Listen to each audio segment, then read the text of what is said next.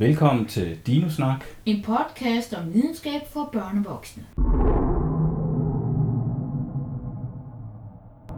Det er nemlig lige præcis det, det er. Jeg er far, og øh, her ved siden af mig, der sidder vores ekspert, og det er... Rasmus, Goddag, Rasmus. Hvor gammel er det, du er? jeg er 10 og fylder 11 år. Okay. Jamen, øh, lad os komme i gang med programmet, og vi kan jo sige, at øh, normalt her i Dinosnak, der er vi jo også interesseret i de lidt specielle dinosaurer. Vi er ikke kun til falds for de mest kendte, men vi skal jo alligevel forbi en gammel kending. Så hvis vi skal gå direkte til det første punkt på dagsordenen, jo, som jo er dagens dino, hvad er det, vi skal snakke om i dag, Rasmus? Good old Rexy. Nemlig Tyrannosaurus Rex, T-Rex, Good Old Rexy. Godt. Hvad, øh, hvad, hvad kan vi øh, sige om T-Rex? Ja, den er jo 12 meter lang og 6 meter høj.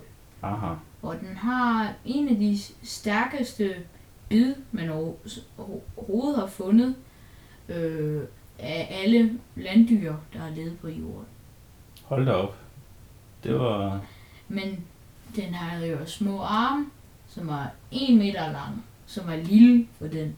Det var arme, der ikke kunne nå dens mund og kunne ikke hjælpe den op, når den lag, lagde ned. Men de var ikke ubrugelige. Men jeg skal nok sige, at dens arme, de var super stærke. Hvor når man lavede en undersøgelse på knoglerne af armene, og fundet ud af, at knoglerne er meget tykkere end de andre knogler.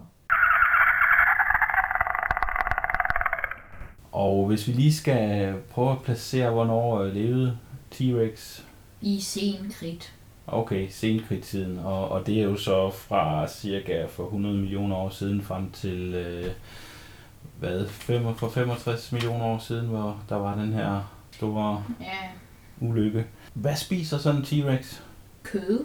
Det ved alle, tror jeg. Jeg tror mest, den gik efter lidt mellemstore ting, som var dinoer dengang, hvor der var ikke nogen mellemstore pattedyr. Så den spiser simpelthen andre dinoer. Ja, det var det eneste, den, den kunne. Men min også, den leder osler. Ådsler, ja. Der er også en, lige nogle ting med, med Rex, I, I måske tror, men det er ikke helt rigtigt. Som for eksempel, I kender jo godt den der Rex på Jurassic Park, den der dejlige skældede store en der, der laver et dejligt brøl. Og ja, det er sådan, I kender den. Men virkeligt er den faktisk bare en kæmpe kylling. Hun, øh, den havde fjer, så den, så den så ikke så skræmmende ud. En, en kæmpe kylling, det, det Ja. bliver du nødt til lige at forklare. Ja, det ligner hvor- ikke en kylling. Ja, hvor øh, det kan godt, men den havde fjer. Den havde fjer. Ja, fjer.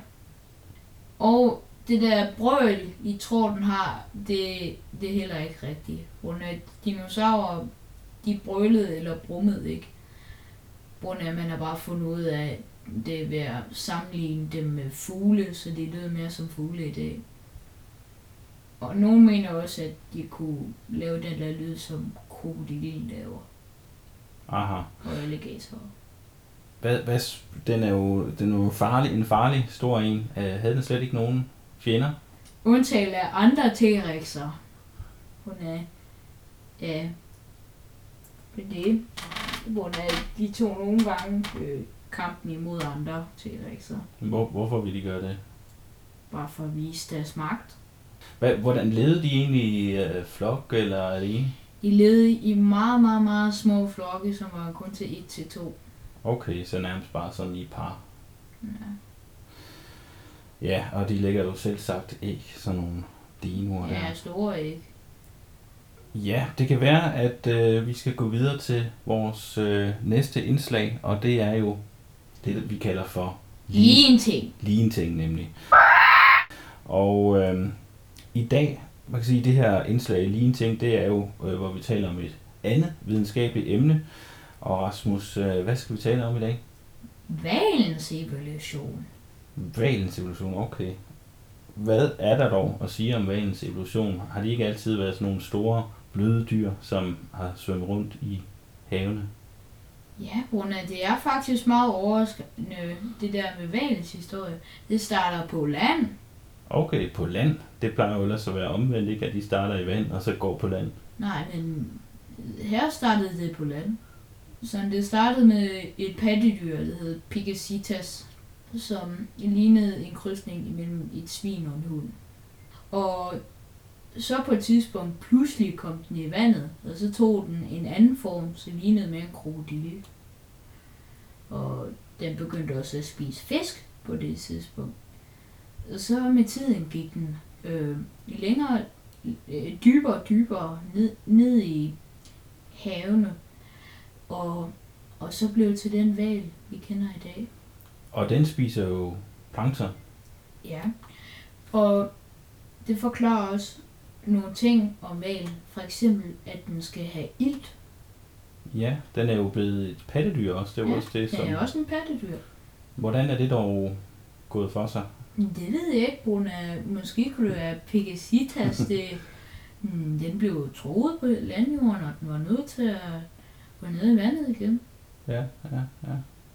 Og så blev den til den kæmpe val, vi kender i dag. Men det er også en anden ting, som også forklarer, hvorfor den havde det der forfædre.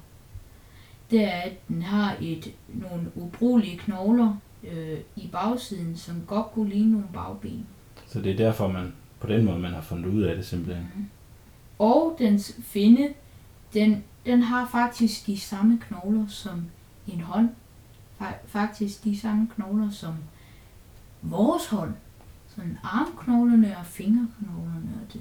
Her til sidst, så tænker jeg, at øh, vi har jo et øh, publikum, som jo er et øh, velinformeret, begavet publikum, så øh, du har en lille ramse, eller en lille ting, du gerne vil slutte af med at sige. Og øh, hvad er det? How much wood would a woodchuck chuck if a woodchuck could chuck wood? Tænk over det. Det tror jeg, vi vil lade blive det sidste, der bliver sagt i dag, og det kan I tænke over til næste gang. Tak for i dag. Det er mig, der er far, Og det er mig, der er Rasmus. og det her, det er Dino Snak.